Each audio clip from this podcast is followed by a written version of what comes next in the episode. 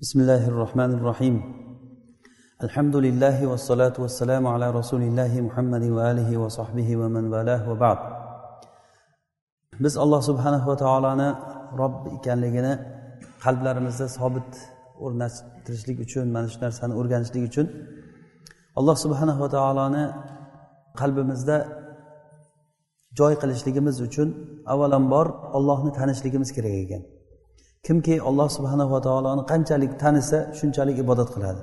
Ollohni tanimagan odam ollohga ibodat qilolmaydi. O'sha uchun ham olim kishi bilan johil kishini ibodatini o'rtasida katta farq bo'ladi. Alloh subhanava taolo aytdiki ollohdan olim kishilargina qo'rqadi dedi.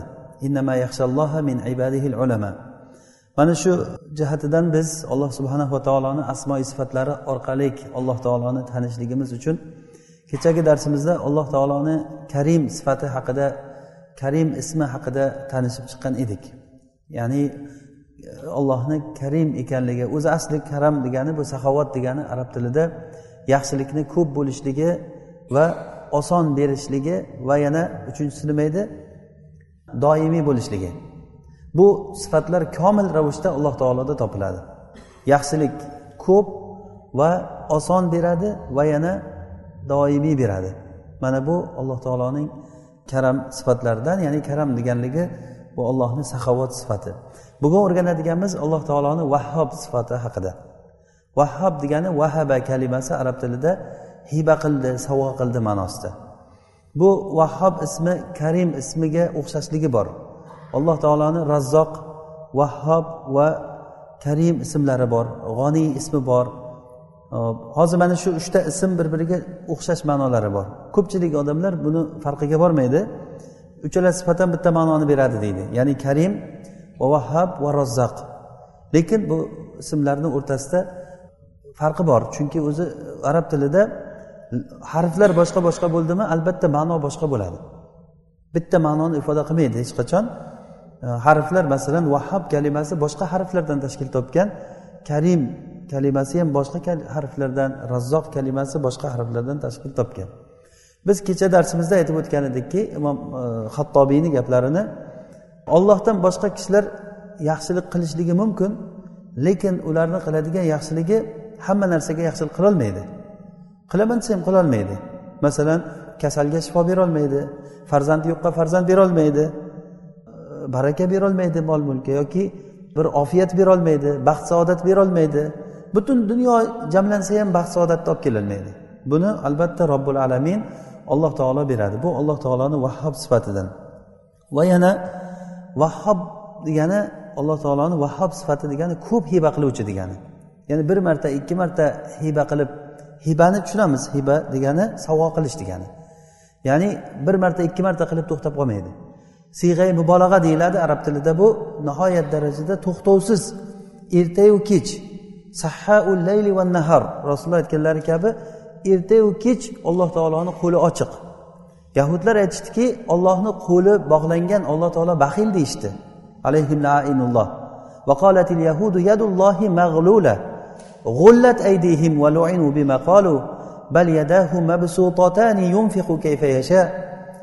Yahudlar aytishdiki ollohni qo'li bog'langan ya'ni bu degani olloh baxil deyishdi. işte. O'zlarini qo'llari bog'langan ularni va ular aytgan gaplari bilan la'natlangan. Balki alloh taoloni qo'llari ochiq ya'ni alloh taolo ertayu kech qancha narsani nafaqa qilyapti ko'rib turavering. Alloh taolo qancha maxluqotlarga rizq beryapti. Ollohni mulkidan bu narsa hech narsani kamaytirmaydi. Alloh taolo vahhob bo'lib bergandan keyin bandada ham bor bu narsa berishlik. Masalan bandalar ham birovlarga yaxshilik qilishligi mumkin. Lekin banda bilan ollohni o'rtasidagi berishlikni farqi shuki milkini miqdorichalik beradi. Bandasi beraman desa ham o'zida bo'lmasa berolmaydi. Shuning uchun rasululloh sollallohu alayhi vasallam ba'zan mehmon kelardi uylariga olib kirib turib mehmon keldi uyda nima bor desa ayollari suvdan boshqa hech narsa yo'q deb aytardi. Boshqa ayolnikiga olib kirardi u ayoli ham shu gapni gapirardi. Boshqa ayolnikiga olib kirsa u ham u ayoli ham shu gapni gapirardi. Suvdan boshqa hech narsa yo'q degan. Keyin masjidga olib chiqib turib mehmon keldi meni mehmonim bu ollohni mehmoni kim buni ziyofat qiladi deb aytardilar sollallohu alayhi vasallam. Shunda sahobalardan kimni uyida bir narsalari bo'lsa ey rasululloh men mehmon qilaman buni deb mehmonni olib ketib mehmon qilgan bir ajib bir voqealar bo'lgan. Uyga borganda u kishini ham uyda hech narsasi bo'lmagan paytlari bo'lgan. Masalan ummu sulaymni uyga olib borgan paytda uyda bolalarni ovqatidan boshqa hech narsa bo'lmagan. O'shanda shamni o'chirib qo'yib turib mehmonga yedirishgan demak inson yaxshilik qilishlikni xohlaydi lekin bu hiba insonni milki miqdorichalik bo'ladi. Alloh subhanahu va taoloni milki butun koinotu yer osmon hamma narsa ollohni milki. Alloh taoloni mulki hech qachon kamayib qolmaydi. Qancha bersa ham kamayib qolmaydi. Odamlar o'zi aslini olganda hech narsaga qodir bo'lisholmaydi odamlarni qo'lida hech qanday bir milki yo'q. La yamlikuna mavtan vala hayatan vala nushura. Odamlar na bir o'ldirishga qodir na bir hayotga qodir bir o'lgan odamni hech kim tiriltira olmaydi. Va birovga yaxshilik qilaman desa ham odamlar o'zida bo'lmagandan keyin qanday yaxshilik qiladi? Bu faqatgina va faqat olloh subhanava taoloni qo'lidan keladigan narsa. Agar odamlar beradi deb faraz qilsak ham mayli tan olaylikki odamlar ham beradi. Lekin odamlar bersa ham ollohni milkidan beradi. Odamlar beradi lekin ollohni milkidan beradi. Shuning uchun rasululloh sollallohu alayhi vasallam aytadilarki innama ana qosim. Men faqat taqsimlovchiman der edilar vallohu huval mu'ti. Olloh beruvchi men taqsimlovchiman der edilar rasululloh sollallohu alayhi vasallam. Ya'ni odam masalan birovga bir ehson qilishligi mumkin berishligi mumkin lekin qayerdan olib beryapti? Ollohni milkini ollohni unga bergan ne'matini boshqalarga beryapti. Bu beruvchi odam xursand bo'lishi kerakki olloh menga o'zini ne'matini berdi va shuni boshqalarga berishlikka menga tavfiq berdi. Agar olloh tavfiq bermasa biror odam biror bir boshqaga bir tiyin chiqarolmaydi birorta yaxshilik qilolmaysiz olloh tavfiq bermasa mana shu masjidga yurib kelolmaydi odam. Bu hammasi ollohni fazli bu. Shuning uchun ham alloh subhanahu va taolo e, farzand haqida gapirgan paytda milkdan boshlagan. Valillahi mulku samavati val ard yahabu liman yashau inatha va yahabu liman yashau zukur osmonlar va yerni mulki ollohniki xohlagan kishisiga alloh taolo o'g'il farzand qiz farzand beradi xohlagan kishisiga o'g'il farzand beradi. Va xohlagan kishisiga o'g'il qizni juft qilib beradi. Va xohlagan kishisini o'zi bepusht qilib qo'yadi. Alloh taolo o'zi biluvchi o'zi qodir zot. Innahu kana aliman qodiro alloh taolo o'zi biladi kimga nima berish kerakligini. Va o'zi beraman degan narsasini bera oladigan qudratli zot alloh taolo. Demak hozir xohlagan kishiga farzand beradi deyishdan oldin alloh taolo nima deyapti? Osmonlar va yerni mulki ollohniki deyapti. Demak farzand berishlik bu nimaga bog'liq narsa? Mulkka bog'liq narsa. Qani bir odamlar yig'ilib farzand bersinchi? Farzandi yo'q odamlarga bir xil dunyoni podshohlarini ko'rasiz befarzand o'tib ketganligini. Dunyoni podshohlarini ko'rasizki qarasangiz hatto ba'zilarini aqlida bir muammo borligini ko'rasiz. Oilasida bir katta muammolar borligini ko'rasiz. Juda ko'p narsalar yetishmaydi u odamlarga. Hatto o'sha odamni o'rniga o'zini odam qo'ygisi ham kelmaydi. Dunyoni agar boshqarib turgan podshohlar bo'lsa ham ulardagi kamchiliklarni ko'rib nuqsonlarni ko'rib odam o'shanday bo'lmaganligiga odam shukur qiladi ba'zan. Demak bu narsa birovga bir narsa yaxshilik qilish hiba qilish bu narsa milkdan kelib chiqayotgan narsa. Ya'ni har qancha odam o'zini qancha bu yoqda boyligi bo'lsa o'shancha boyligi darajasida birovga yaxshilik qila oladi. Bu narsa faqat alloh taologa xos bo'lgan narsa. Chunki insonlar hech narsaga molik emas. Molik emasligini dalili mana kecha darsimizda aytgandikki o'limni ko'ravering mana. O'lish paytida odam o'zi bilan birga nima olib ketadi? Hech narsa olib ketmaydi. Shunday quruq kelgan quruq shunday amali bilan ketadi hisob kitobini beradi. Uni topgan mol mulki hammasi orqasida qoladi. Milliardlagan pul topmaydimi? Qancha qancha tonnalab tillalari bo'lmaydimi? Qasrlari bo'lmaydimi?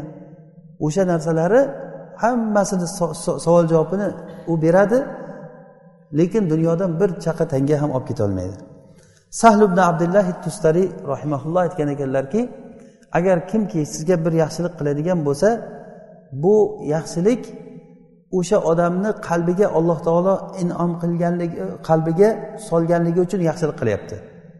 Ya'ni bir odam sizga bir yaxshilik qilyaptimi? Bilingki alloh taolo o'sha odamni qalbini sizga qaytarib qo'ygan. Demak bu yerda fazl kimga qaytadi? Yaxshilik qiluvchigami? Yo'q albatta bu fazl egasi olloh subhanava taolo bo'ladi. Bu degani odamlarga umuman shukur qilma degani emas bu. Lekin odam bilish kerakki yaxshilikni mastari yaxshilikni manbasi qayer ekanligini bilish kerak. Ana o'shanda bizni hamma ibodatlarimiz bizni muomalalarimiz to'g'ri joyga tushadi. Agar yaxshilikni biz bilmasak mastari qayer ekanligini yaxshilikni manbasi qayer ekanligini odam bilmasa unda bir odam bir yaxshilik qilib qolsa hamma yaxshilikni shunday ekan deb o'ylab qoladi odam. O'sha uchun ham odamlar odamga sajda qilib ketganligini ko'rasiz nima uchun yaxshilik ko'rganligi uchun o'shandan. Ba'zida bu odamdan bir yaxshilik kelib qolsa odamlarda shunchalik bir jaholat borki bir g'ayrioddiy bir narsalarni ko'rib qolsa o'shanda bir gap bor deb o'ylaydi. Ba'zi bir sufilardan naql qilinadi. Ko'pchilik e, muridlari bir sufini o'zlarini pirini zino qilib yotgan holatda suvdan chiqib qolibdi. Shunda e bu pir nima bo'ldi endi? Zino qilib turibdi ekan. deb hammalari hammalarini ixlosi qolib turgan paytda pir chiqib turib shunday suvni ustidan yurib o'tib ketgan ekan. Suvni ustidan yurib o'tgan rivoyat sahiy bo'lsa. O'zlaricha naql qilishadi. Shuni suvni ustidan yurib o'tib ketgandan keyin keyin pir aytgan ekanki vahhob ya'ni alloh taolo agar bersa tortib olmaydi hech qachon degan. Al vahabu ida vahaba la yaslub. Alloh taolo agar bersa tortib olmaydi. Menga pirlikni karomatni olloh berdimi? Bu u zino qilishlik bilan uni olib qo'ymaydi deb. Bu g'irt dinni buzadigan gap bu. Alloh taolo o'zi beradi o'zi oladi. Kerak bo'lsa payg'ambar bo'lsa ham agar payg'ambar bo'lsa ham agarda rioya qilmasa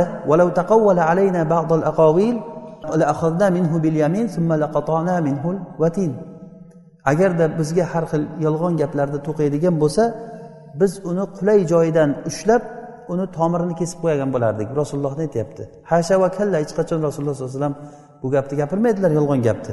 Agar yolg'on gapni gapirganda ham la in ashrokta la amaluka. Agar shirk keltirsang seni amaling hammasi nima habata bo'lib kuyib ketadi deyapti rasululloh sollallohu alayhi vasallamga aytyapti. Ya'ni rasululloh sollallohu alayhi vasallam bo'lsa ham agar bu narsada e, e, hech qanday avaylanmasligini aytyapti. Bu e, boshqa insonlarniku endi qo'yavering. Qisqasi bu alloh taoloni hibasi insonlarga beriladi. Agarda unga rioya qilmasa kerak bo'lsa alloh taolo o'zi xohlagan paytda uni olib ham qo'yaveradi.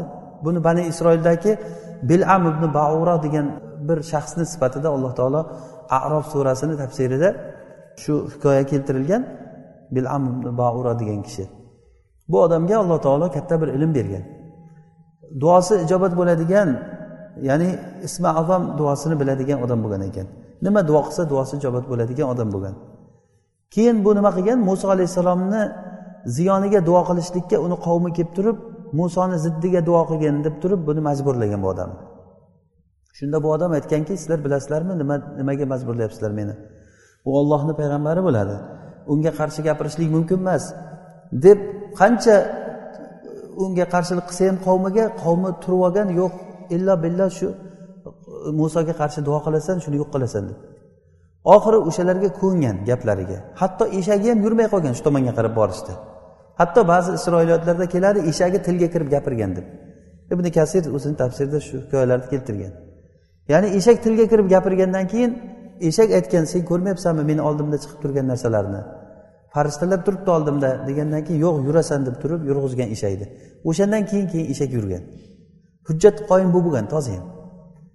Keyin borib turib bir tepalikka chiqib turib muso alayhissalom ko'rinib turgan joyga qarab turib duo qilishni boshlaganda muso alayhissalomga qilgan duolari tili o'zini ziyoniga aytavergan. Ya'ni o'zlarini o'zini qavmini ziyoniga duo qilavergan. Qavmi aytganki o sen bizni halok qildingku nima deyotganligingni bilyapsanmi? deganda buyog'ini men qilmayapman. Men ixtiyorimsiz bo'lyapti bu tilim ixtiyorimsiz gapiryapti degan. Ya'ni o'sha odamni misolini alloh taolo xuddiki bir itga o'xshatgan. Ya'ni alloh taolo oyatda aytadiki vatlu alayhim naba allazi ataynahu ayatina fansalakha minha faatba'ahu shayton fakana minal g'obin ularga bir kishini misolini tilovat qilib beringki biz unga biz o'zimizni hujjatlarimizni bayonotlarimizni ya'ni ilm bergan edik. Lekin bu o'zini yo'liga boshqa yo'lga ergashib ketdi. Faatbaahu shayton keyin u shayton unga ergashdi. Atbaahu degani shayton uni orqasidan tushdi. Hatto shayton uni orqasidan kelyapti. Shaytonni oldiga o'tib oldi u odam. Shu bilan adashib ketdi. Qani u ilm? Bayinotlar qani? Olloh bergan ilm qani? Adashib ketdi. Demak bu ilm bo'lganligi bu ilm ollohni hibasi bu. Ollohni bergan sovg'asi. Lekin agar buni to'g'ri joyga ishlatilinmasa bu hibani alloh taolo olib qo'yadi. Bu ne'matni alloh taolo sug'urib olib qo'yadi. Bizni ummatga alloh taolo azizlikni bermaganmidi bir paytlar? Bir paytlar bu islom ummati aziz edi. Butun dunyo islom ummatini qo'l ostida yashadi bir qancha zamonlar. Lekin bu ne'mat qachon olib qo'yilindi? Ne'matni qadriga yetmagan paytda bu ummatda ne'mat olib qo'yilindi. Tamomiy olib qo'yilgan emas albatta alhamdulillah ummatda xayr ko'p yaxshilik ko'p bu ummatni ichida ko'p yaxshi insonlar bor. Lekin ummat o'laroq ya'ni ne'matga qadrlamagandan keyin ne'matni alloh taolo mana shu narsani olib qo'ydi. Ya'ni aytmoqchimizki alloh taolo bergan narsasini hiba qilgan narsasini agar inson o'sha narsaga arzimasa olib qo'yishligi mumkin ekan. Demak mana shu narsa agar bizni qalbimizga mustahkam o'rnashsa ya'ni kishini qalbida shu ma'lumotlar sobit bo'lsa alloh taoloni karim alloh taolo vahhob ekanligi hamma mol mulk hamma narsa ollohni qo'lida ekanligi insonda mahkam o'rnashsa inson ollohdan boshqadan so'ramaydigan bo'lib qoladi. Mana bu tavhidni eshigidan bir eshik bu. Ya'ni nima uchun inson ollohdan boshqadan so'raydi? Beruvchi olloh ekanligida insonda muammo borligi uchun. O'sha uchun ham abu zar roziyallohu anhuga o'xshab hayotida birovdan bir narsa so'ramagan ekan. Abu bakr roziyallohu anhu bir kuni tuyada turgan paytlarida qo'lida qamchisi tushib ketgan ekan pastga. Shunda tuyani urib ustida turgan holatda cho'ktirgan ekan tuyani. Bilasiz faraz qiling tuyani ustida turgan odamga tuyani cho'kishligi juda katta narsa bu qiyinchilik ya'ni. Tuyani cho'ktirib engishib o'sha nimani olib qamchini yana turgan ekan. Shunda qarab turgan odamlar olloh rahm qilsin sizni ey abu bakr bir og'iz aytmaysizmi olib beramiz sizga? Qamchini bo'lmasa nima degan gap? Mana qamchini olib ber deyishlik nima degan gap? Shuni olib berardik sizga deganda menga halilim vasiyat qilgan ya'ni rasulullohni aytgan. Menga halilim vasiyat qilganki hech kimdan hech narsa so'ramaysan degan. Hech kimdan hech narsa so'ramaysan degan. Hatto xotinlaridan bir narsa so'ramagan ekanlar. Kiyimlari yirtilsa tikib ber demas ekanlar. Qorni och qolsa agar ovqat qilib ber demas ekanlar. Hayotda boshqa bir odamdan biror narsa so'ramagan inson nega bu xulq paydo bo'ldi? Qayerdan keldi bu narsa bu kishiga? Mana bu bu narsani eshigi nima? Alloh taoloni karim va vahhab deb bilishlikdan kelib chiqadi. Beruvchi ollohni o'zi. Agar so'rasangiz ollohdan so'rang. Yordam so'rasangiz ollohdan yordam so'rang. Bilingki agar ummat jamlansa ham sizga bir foyda keltiraman deb olloh taqdir qilgan yordamni keltira oladi. Agar ummat jamlansa ham sizga bir zarar keltiraman deb olloh taqdir qilgan yomonlikni keltira olishligi mumkin. Mana bu narsa bizga ya'ni qalbimizga mahkam o'rnashlik kerak bo'lgan muhim narsalardan. Va yana bilishligimiz muhim bo'lgan narsalardan shuki ahli fazl bo'lgan mo'min odamlar musulmon odamlar bilishsinki ollohni bizga bergan narsasi biz uchun yaxshilik. Olloh bizga nimani bergan bo'lsa mana shu yaxshilik shuni bilavering. Chunki ollohga bo'lgan gumonimiz qanday bizni olloh bizga yaxshilikni xohlaydimi yomonlikni xohlaydimi? Olloh yaxshilikni xohlaydi. Demak yaxshilikni xohlaganligi siz bilaveringki siz uchun mana shu turishingiz yaxshi degani agarda bundan boshqacharoq bo'lganda edi boshqacha natija bo'lib ketishligi mumkin. Ba'zi odamlar bor qachon ollohni hikmatini ko'rsa o'shanda alhamdulillah deydi. Bir kishini bir e, hikoyasini shayx abu ishoq aytib bergandilar. Bir tanishim deydi iskandariyaga ketishda xotini o'lgan ekan. O'g'li qizi chiqib ketgan deydi uyda bir o'zi qolgan haligi odam. Shunda yo'lda ketishda qohiraga ketish ketadigan paytda yo'lda moshinasi nima bo'lgan hodis bo'lib turib to'qnashib ketgan. Shu bilan bo'lib qolgan bu odam juda xafa bo'lgan yo'lda qolib ketgan. Kechasi bilan shu bilan ovora bo'lib turib qolib ketgan. Keyin ertalab kelsa deng uyiga uyini tomi shu yiqilib yotadigan karvotini bosib qolgan ekan beton. Agar ustida yotganda aniq odam halok bo'ladigan darajada bosib qolgan bo'lgan. O'shani ko'rib alhamdulillah degan ekan. Alhamdulillah. Nimaga alhamdulillah? Moshinim avariya bo'lib qolib ketganligimga alhamdulillah deyapti. Biz endi o'shanday paytda alhamdulillah deyishligimiz kerak. Yana ba'zi bir kishilardan eshitgandik shu nimada? Futbol nimasi bo'layotganda germaniyagami qay bir joyga ketaman deb turib ketolmay qolgan ekan. Juda qattiq harakat qilgan ekan tomosha qilgani ketaman deb turib ketolmay qolgan ekan. Bilet bo'lmay qolganmi? Nimadir bo'lgan to'siq bo'lgan qattiq janjallar qilgan ketolmay qolgan.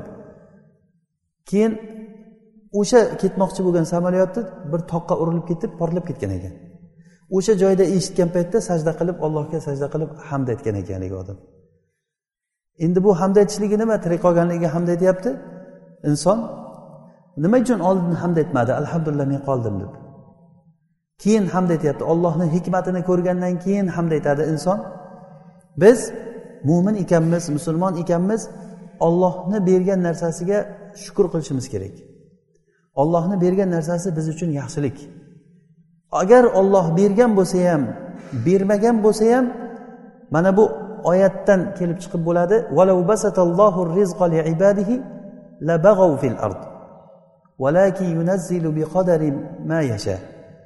agar alloh taolo rizqni bandalarga keng qilib berib qo'yganda edi nima qilardi odamlar? Labag'ov fil ard.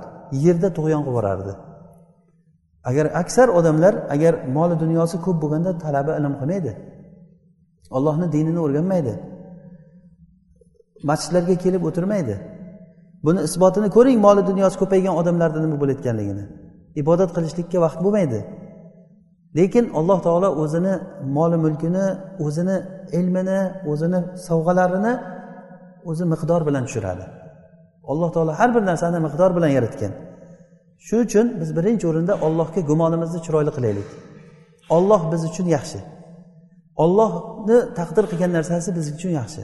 Sufyan savriy aytar ekanlar agar men otam meni hisob kitob qilishligi bilan olloh hisob kitob qilishligini o'rtasida ixtiyor qilinganimda edi ya'ni menga aytilsaki sen ixtiyor qilgin otang hisob kitob qilsinmi seni yo olloh hisob kitob qilsinmi desa olloh hisob kitob qilsin deb aytardim. Chunki olloh menga otamdan ko'ra rahmliroq degan. Mana ollohga bo'lgan gumoni.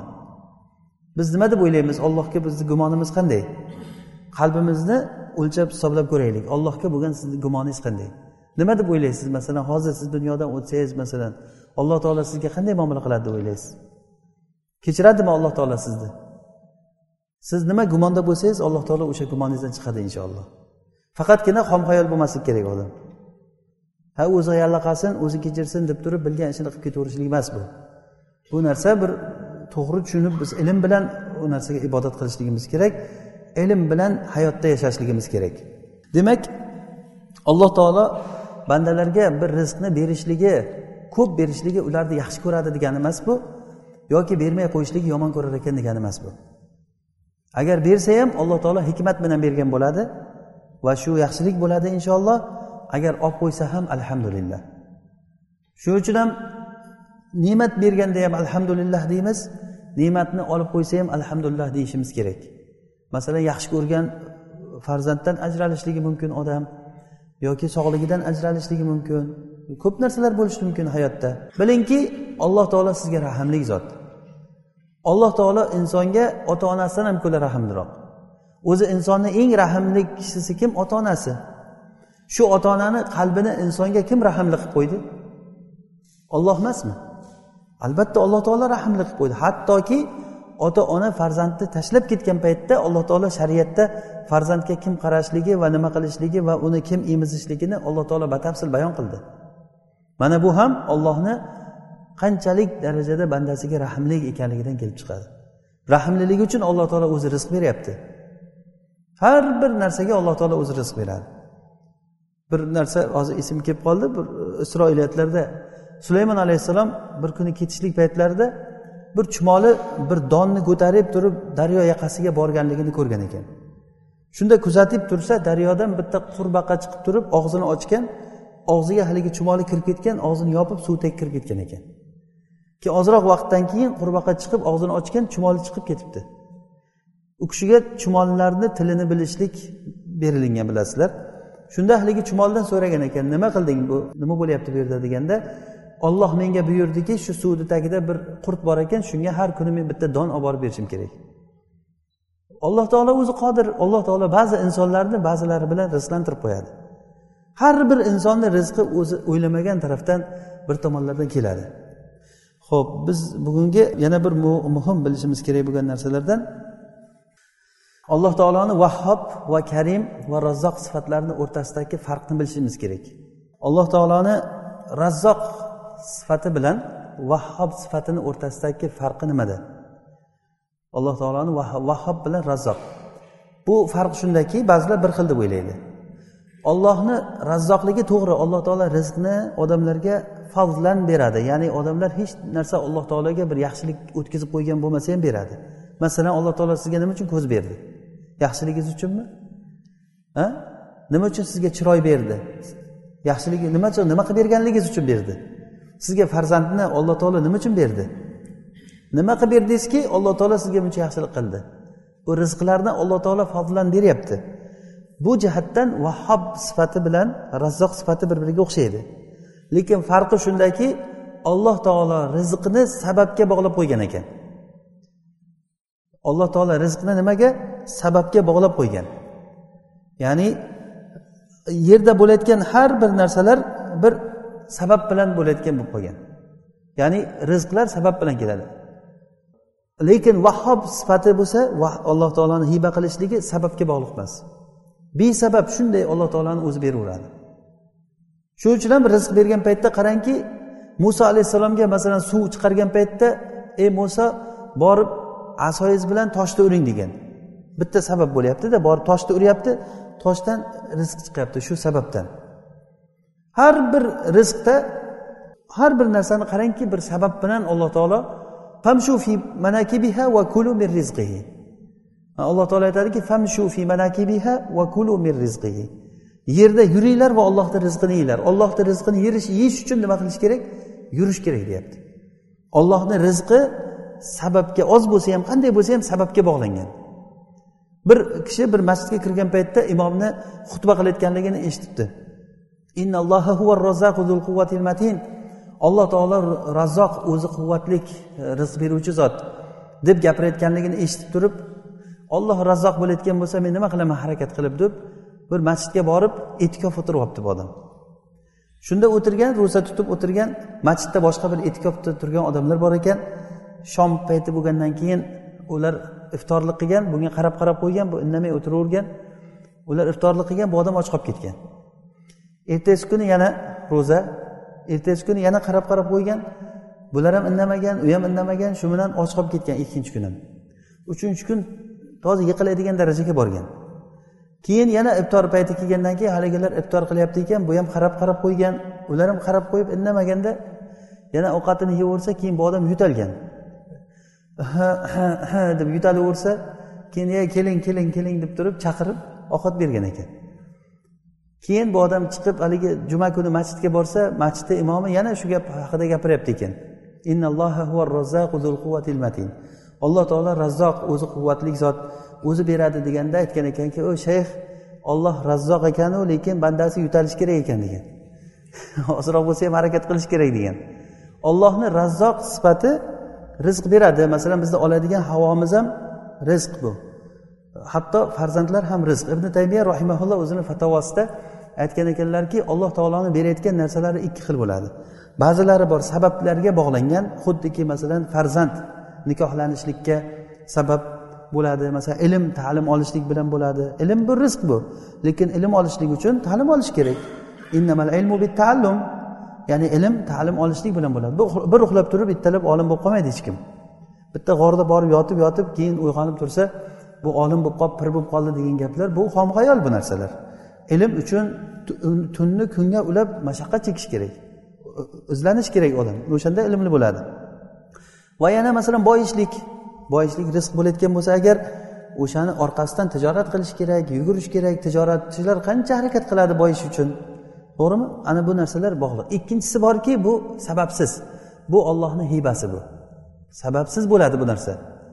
Hech qanday sizdan bir narsa bo'lmasa ham alloh taolo o'zi beraveradi mana bu alloh taoloni vahhob ismi.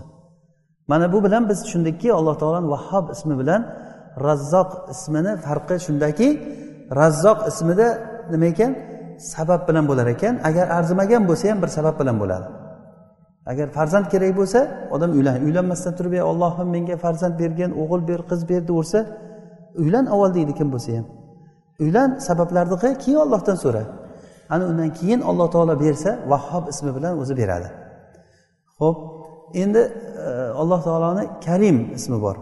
Karim ismi bilan vahhob ismini o'rtasidagi farq nimada? Bir biriga o'xshaydi biz kecha darsimizda ham alloh taoloni saxovati karim sifati haqida gapirgan edik. Buni farqi shundaki alloh taoloni karim ismida ziyoda bir ma'nolar bor. Ya'ni aziz ma'nosi bor va sofuh ma'nosi bor. Ya'ni alloh taolo kechiruvchi degani.